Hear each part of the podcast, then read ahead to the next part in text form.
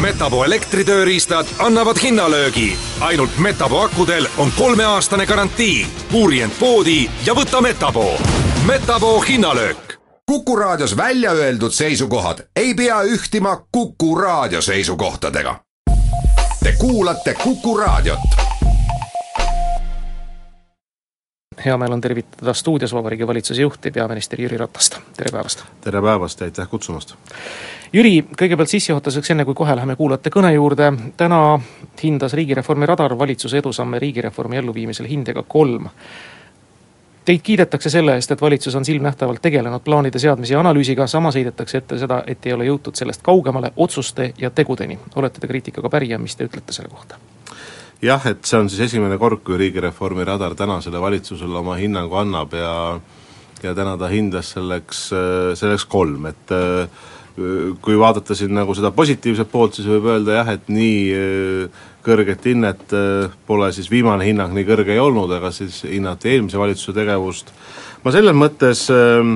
igal juhul nagu nõustun ka selle kriitikaga, millega Radar on täna välja tulnud, et ta ütleb, ütleb ühe, ühelt poolt välja selle, et äh, ei ole veel täpselt äh, selgunud, missuguseks saab, ütleme, tulubaasi, kohalike omavalitsuste tulubaasi kujunev mudel ja ma tean seda, et riigihalduse minister Mihhail Korb peaks selle teemaga tulema selle kuu jooksul siis valitsuse kabineti nõupidamisele.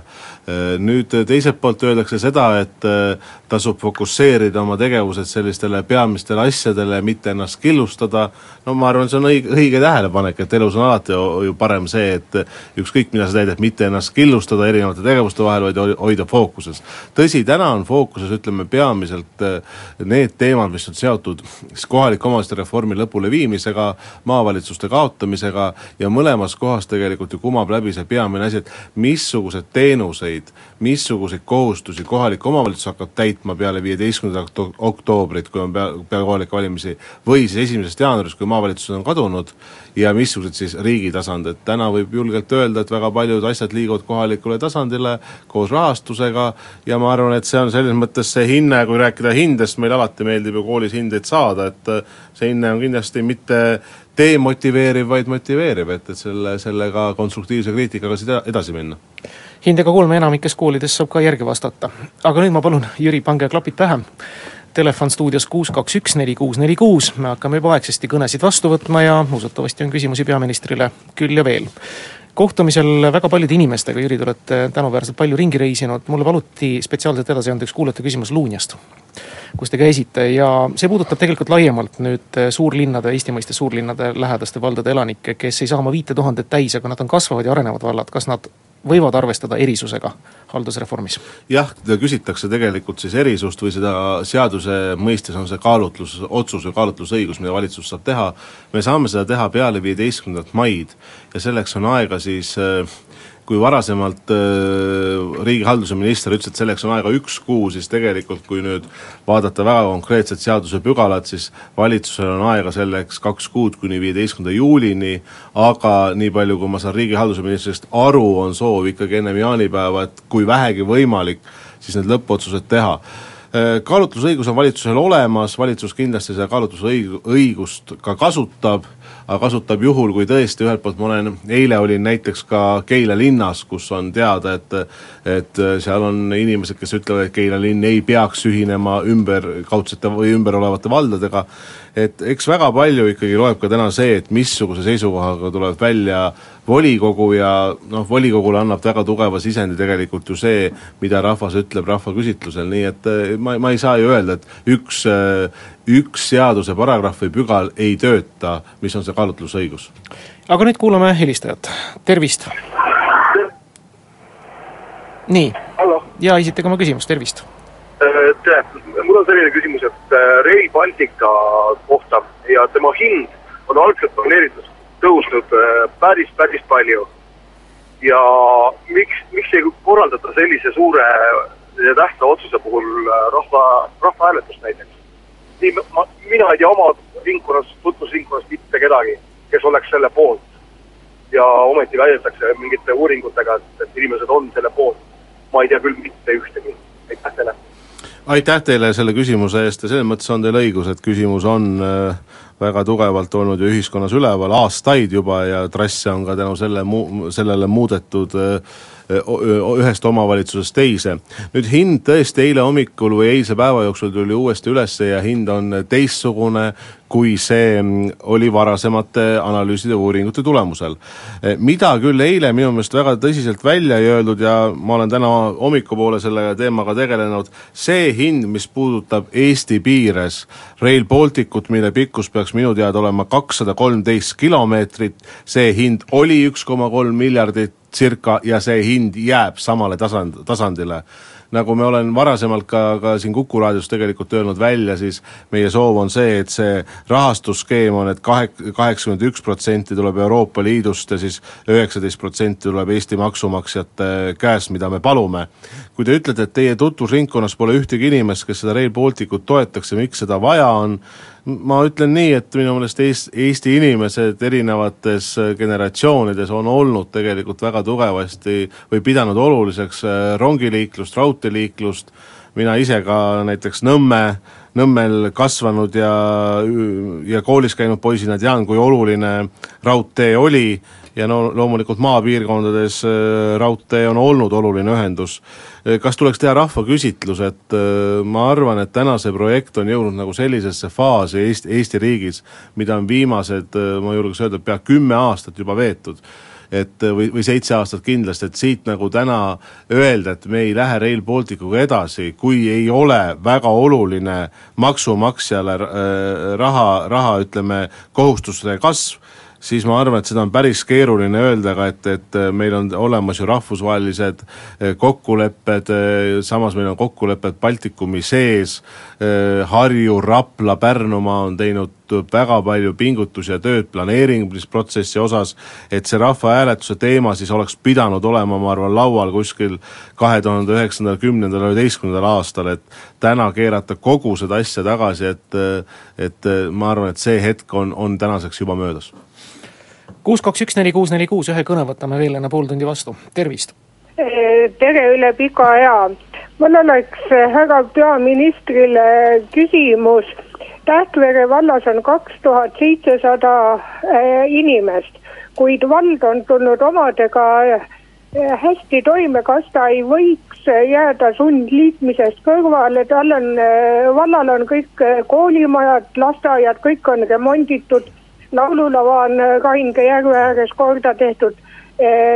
siis on see ekstreemhüppe äh, või noh, keskus ja hüppetorn, et miks tahetakse, kes tulevad vähema rahvaarvuga ka sellegipoolest sundliita, aitäh. aitäh selle küsimuse eest! Ja ma saan tegelikult nendest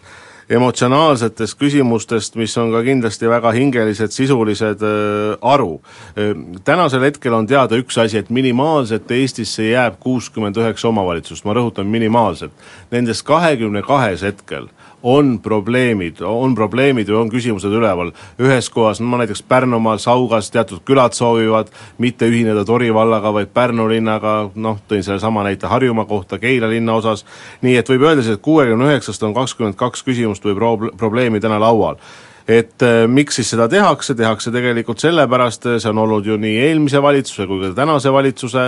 üks peamine soov, äh, et teenused, mida siis avalik haldus pakub, eeskätt mida kohalik omavalitsus pakub, punkt üks, et nad on kvaliteetsemad, nad on operatiivsemad, nad on kindlamad ja ka rahastusbaas on kindel, kindlam nüüd erinevus on olnud võib-olla koalitsioonide puhul see, et eh, kuidas näha ette omavalitsuste rahastust ja täpselt, kas mingeid ülesandeid anda veel riigi tasandilt kohalikule omavalitsusele või mitte, et täna arvatakse, tänane koalitsioon arvab, et jah, võiks anda kui te küsite Tähtvere kohta, siis eh, eks neid omavalitsusi, kus on alla kolme tuhande või alla kolme poole tuhande elanike arvuga, neid on Eestimaal enamuses, neid on Eestimaal enamuses ja täna me võime öelda, et et eh, seaduse järgi on ju tegelikult omavalitsused eh, saanud selle, et iseseisvalt, vabatahtlikult teha enda ettepanekud, kellega liituda, kuhu suunas ühineda ja väga tugev enamus omavalitsustest on tegelikult selle tööga hästi hakkama saanud. nii et äh, natukene see kordab nüüd seda eelnevat küsimust, aga kui me räägime, et kas valitsus teeb mingeid erisusi või mitte, siis see, ma ütlen jah, et seadus näeb selle kaalutlusvõimaluse ette, ette, aga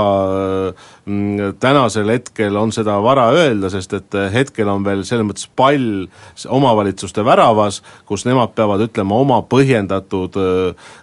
seisukohad, ütleme siis, kui nad ei toeta teatud liitumisi või teatud ühinemisettepanekuid saade. Vox Populi. Kuku raadio pärastlõunaprogrammil on külas Jüri Ratas, peaminister, vastamaks ainult teie küsimustele, head kuulajad. Telefon kuus, kaks, üks, neli, kuus, neli, kuus on juba ka helisenud, tervist. tervist. minul oleks siis selline küsimus peaministrile, et Ida-Sõmme Tähtvere vallastki, kus on praegusel hetkel seesama kolme tuhande hektari maa asi lahendamata, kakskümmend üks senti hektar. see näitab ikkagi, et olukord on selline, et peaks valitsus ära lahendama selle asja. Ja teiseks ikkagi korruptsioon ja see üleandmine vastuvõtmine on meil ikka väga tõsine, kui me laseme jõugu nagu teiste valdade arvel ja kõik on vait. tänan, kõike head Ai-, aitäh teile, et äh, ma alustan sellest teisest poolest, sellest korruptsioonist, et äh, no korruptsioon on, selles mõttes ma olen päri, et on tõsine, et kas korruptsiooni saab olla avalikus sektoris või kohalikus omavalitsuses, et vastus on, et ei saa. mis selleks teha, et riik on selleks näinud ette väga erinevad institutsioonid, organisatsioonid, olgu see kaitsepolitsei, olgu see riigi vara ja rahade kontroll, mida teeb Riigikontroll, õiguskantsler samuti maavanem hetkeseisuga, kindlasti ka kohalik omavalitsus peab nagu korruptsiooni panustama ja selleks tavaliselt on siis, mitte tavaliselt, vaid seadus näeb ette, et volikogu peab moodustama revisjonikomisjoni, mõne suur, suuremates omavalitsus, omavalitsustes on olemas ka sisekontroll ja kõige rohkem ma arvan, et saab selle tähelepanu juhtida kohalik elanikkond, kohalikud inimesed ja läbi valimiste anda siis see sõnum, et kas nad peavad äh, kohaliku omavalitsuse juhte või kandidaate ausaks või mitte, et aga jah, selles mõttes kindlasti korruptsioonil kohta ei ole, kui te rääkisite nüüd sellest maa küsimusest, ma pean tunnistama, et äh, ma mõtlesin, et hetkel olen tegelenud kahe maa küsimusega, üks on äh, üks on see Tartu Agro küsimus, teine on äh, Jõgeval küsimus, aga ma ei saanud päris täpselt aru, mida te selle Tähtvere maa ja kolme tuhande ruutmeetriga mõt-, mõtlesite, et et ei hakka siin vastama, kui mul ei ole ka võimalust seda praegu täpsustada Telefonil on juba järgmine helistaja, tervist. Nonii, helistaja kadus, aga ma usun, et huvi küsida on usutavasti meie kuulajate seas ikkagi piisavalt suur, kuus, kaks, üks, neli, kuus, neli, kuus, jah. Telefon on taas helisenud, tervist. tervist. no teatavasti leedulased saavutasid oma tahtmise ja Rail Balticu haru tõmmatakse ka Vilniusest, kuigi see on noh, nagu tupiktee, eks ole. Aga ma ei, ei mõista seda Eesti seisukohta, mispärast raiutakse nagu rauda ja tahetakse äh, viia Rail Balticu trass läbi Kõnnumaa. ega siis Rapla ei ole ju mingi linn, seal ei ela kümmet tuhandet inimestki ja ka Pärnu on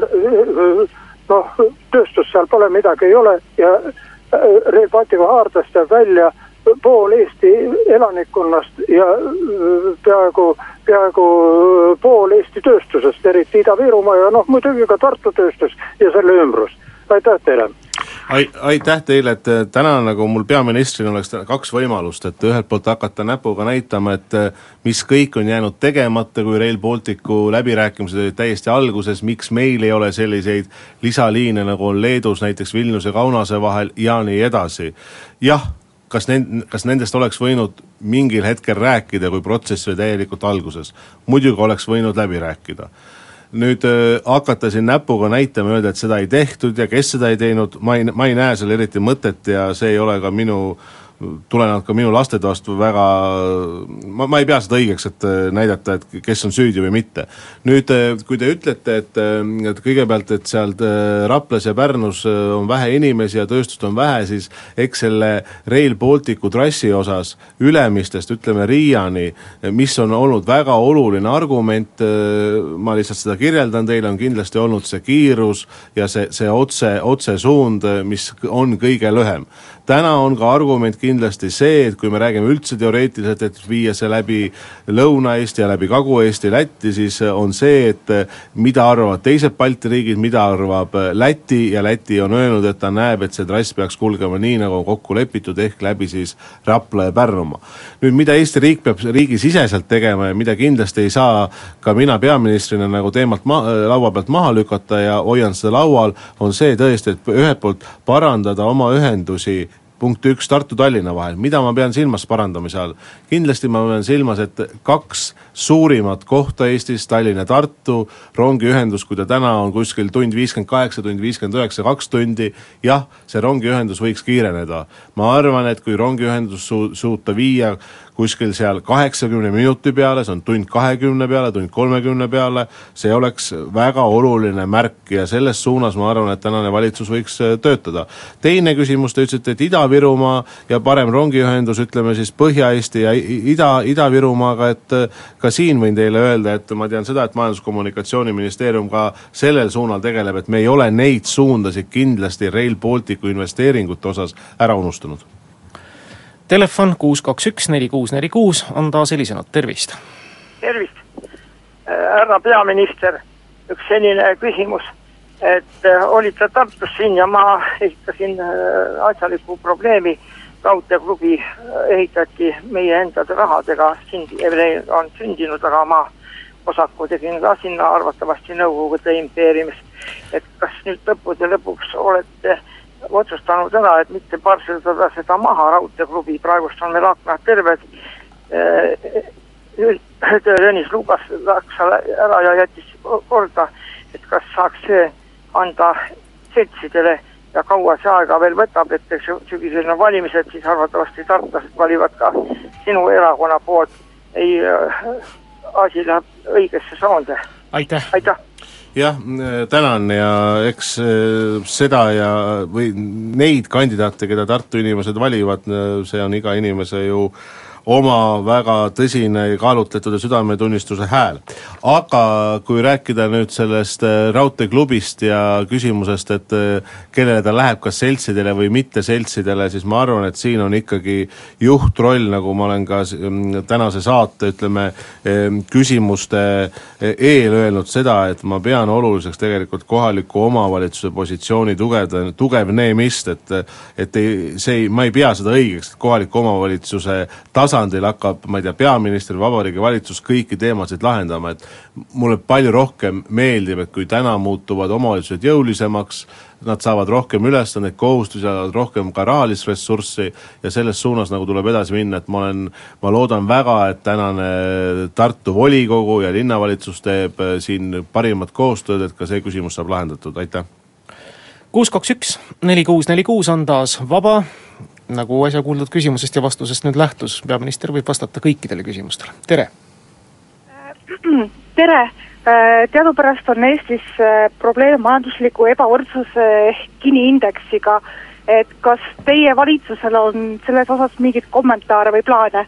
Aitäh teile selle majandusalase küsimuse eest, et äh, eks igal valitsusel on majandusalaseid plaane, tänasel valitsusel on väga konkreetsed plaanid, punkt üks, millest need plaanid algavad, et äh, me näeme seda, et inimeste sissetulek, Eesti ostukorvi sotsiaal, ütleme, kindlus peab suurenema. kuidas see saab suureneda, mida valitsus saab teha, et ega riik ei saa öelda, et me hakkame inimestele palka maksma, küll saab riik muuta oma maksupoliitikat, maksupoliitikat saab muuta siis kahes osas,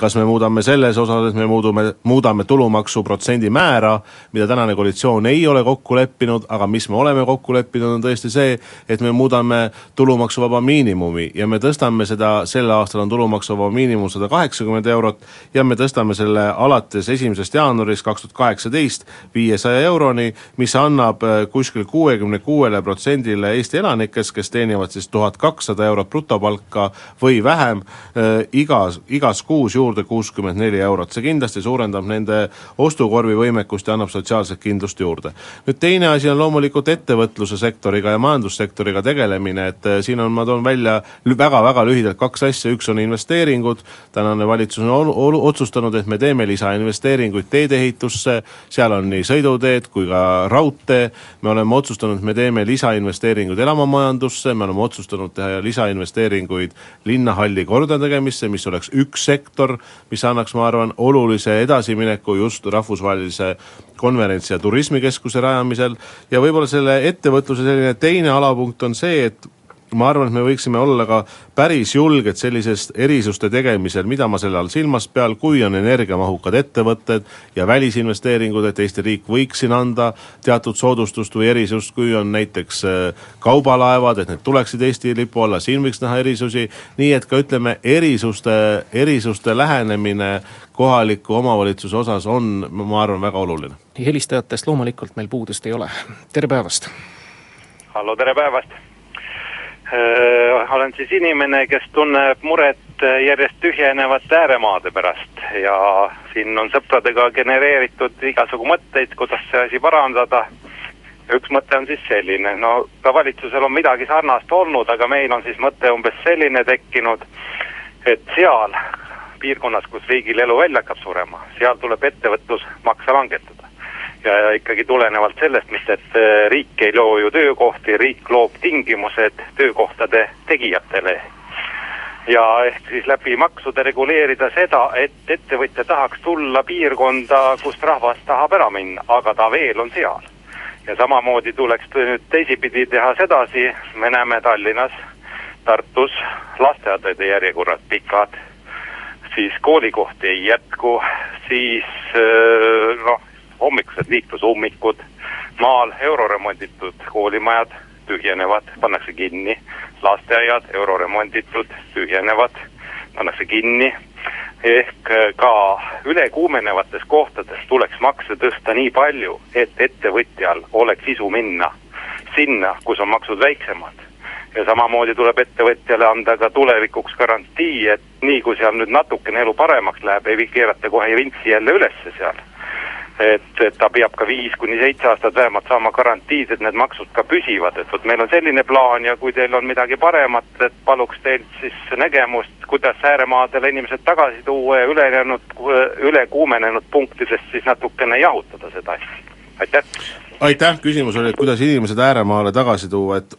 ma kõigepealt punkt üks, üks ütlen üldpõhimõtted, ma olen igal juhul sellega nõus, et ega riik ei saa luua igale poole töökohti ja riik saab luua tingimusi, täielikult nõustun. nüüd vastan kahes osas, kõigepealt vastan kui Eesti Vabariigi kodanik Jüri Ratas, mis on minu nagu arvamus või tunnetus. kas võiks olla piirkondlikud erinevused meie maksupoliitikas? jah, võiks olla. kas võiks olla näiteks kohaliku omavalitsuse rahastamise rahastamismudelis, millest ka põgusalt oli siin saate alguses seoses selle riigireformi radariga juttu, et kas seal võiks olla näiteks sees, et kui kohalikku omavalitsusse tuleb ettevõtlus ja töökohad, et läbi selle automaatselt see omavalitsus saab ka mingit tulemit, no näiteks üksikisiku tulumaksu äh, protsendi laekumisest põhimõtteliselt ma arvan, et eh, ka see on hea mõte, see kindlasti motiveeriks volikogu liikmeid, see motiveeriks vallavanemaid, vallavalitsuse liikmeid ja linnapäid tegema kõik selleks, et saada rohkem ettevõtteid ja luua sellist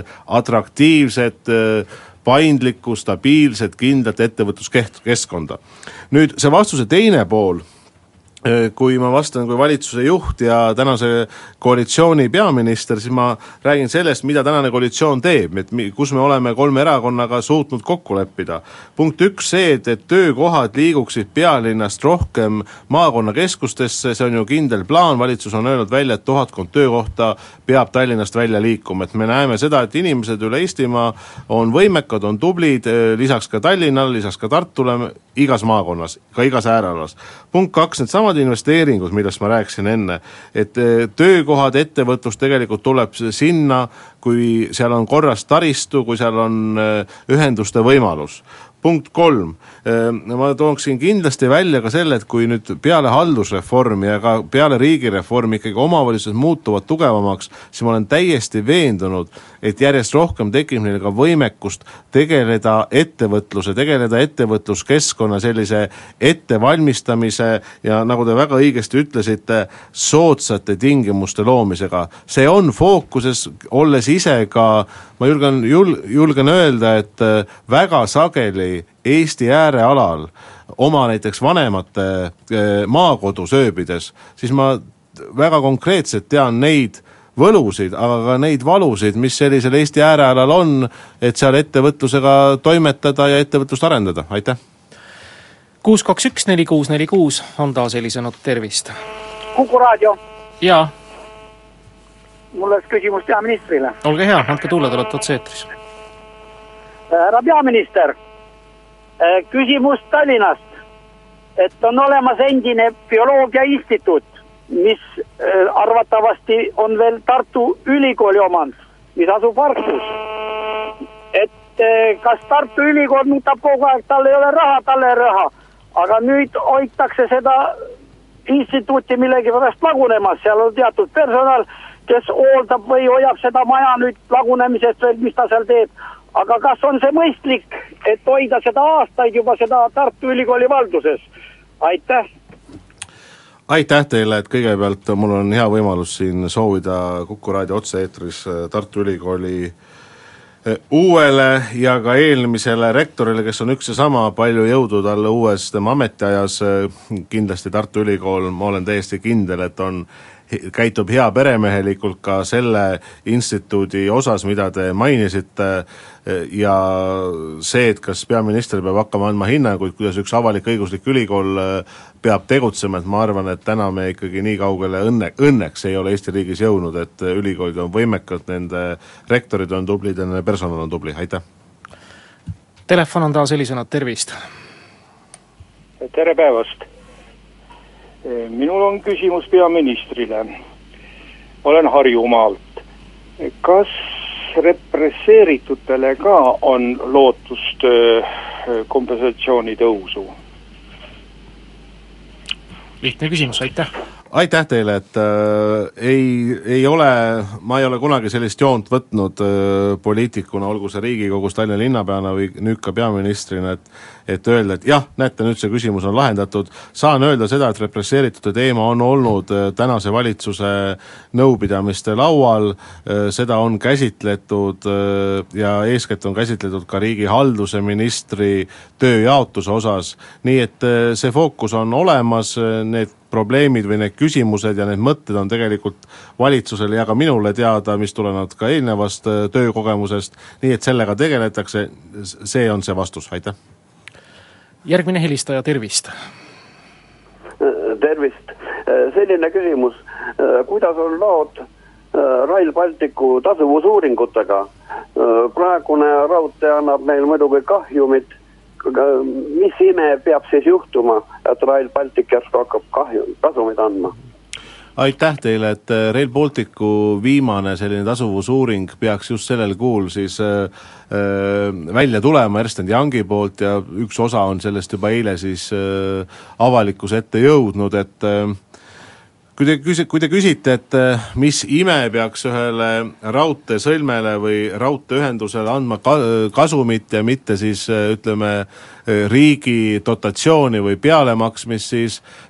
ega meil vist väga palju selliseid raudteeühendusi Eestis ja Euroopas ei ole, kus me saame öelda, et jah, see raudteeühendus ei nõua dotatsiooni, ta ei nõua toetust, võtame kas või Eesti-siseselt, ma ei tea, ühistranspordi, see nõuab avaliku sektori toetust või dotatsiooni, mõnes kohas lausa sajaprotsendiliselt,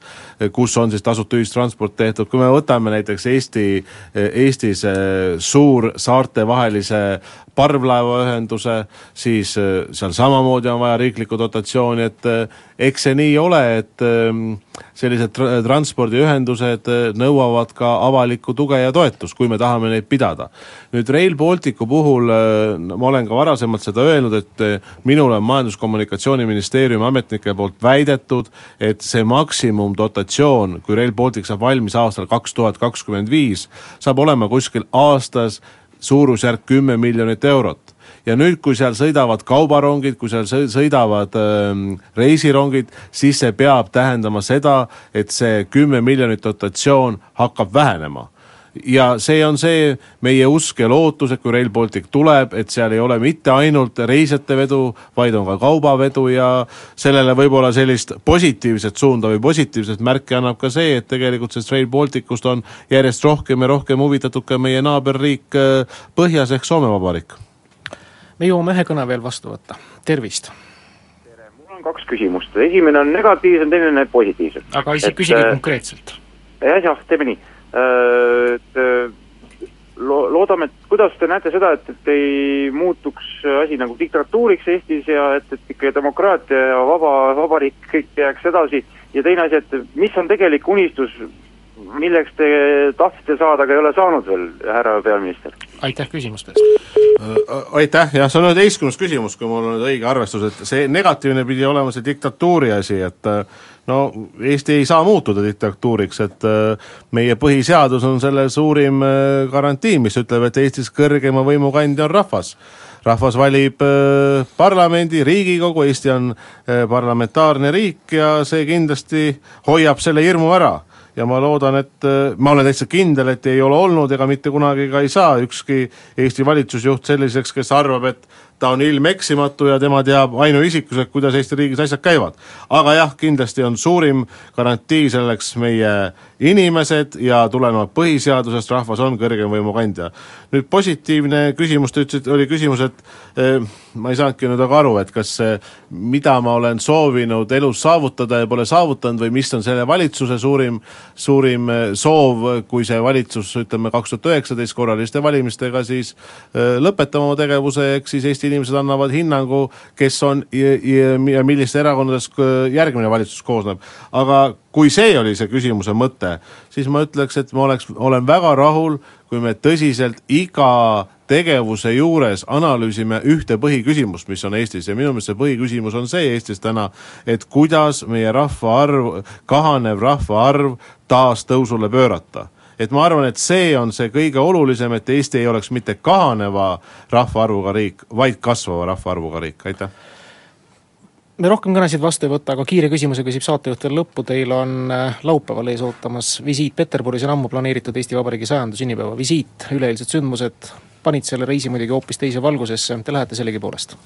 jah, et äh, traagilised sündmused kahjuks juhtuvad äh, Euroopa keskel erinevates linnades. äh,, viimati nüüd Peterburis, jah, ma lähen Peterburgi, see on, ma lähen Eesti Jaani kirikusse, see on kaheksas aprill kaks tuhat seitseteist, kui täpselt sada aastat tagasi, kaheksas aprill tuhat üheksasada seitseteist, nelikümmend tuhat meie kaasmaalast marssisid toonases Petrogradis ja nõudsid Eesti riigile autonoomiat. Nii et äh, see selles mõttes paneb uude valgusse muidugi, et äh, eks ohuhinnangud äh, tuleb siis teha veel põhjalikumalt ja kindlasti on see see koht, kus äh, ükskõik mis riigis juhtub terroriakt, et äh, neid, seal ei ole mitte mingisugust õig-, õigustust ja see on, äh, see on täielikult hukka, hukkamõistev suur tänu, Jüri Ratas, täna seda aega leidmast, stuudiosse tulemast, kuulajate küsimustele vastamast ja nagu me oleme kokku leppinud, maikuu keskel näeme taas! aitäh ja kindlasti tulen!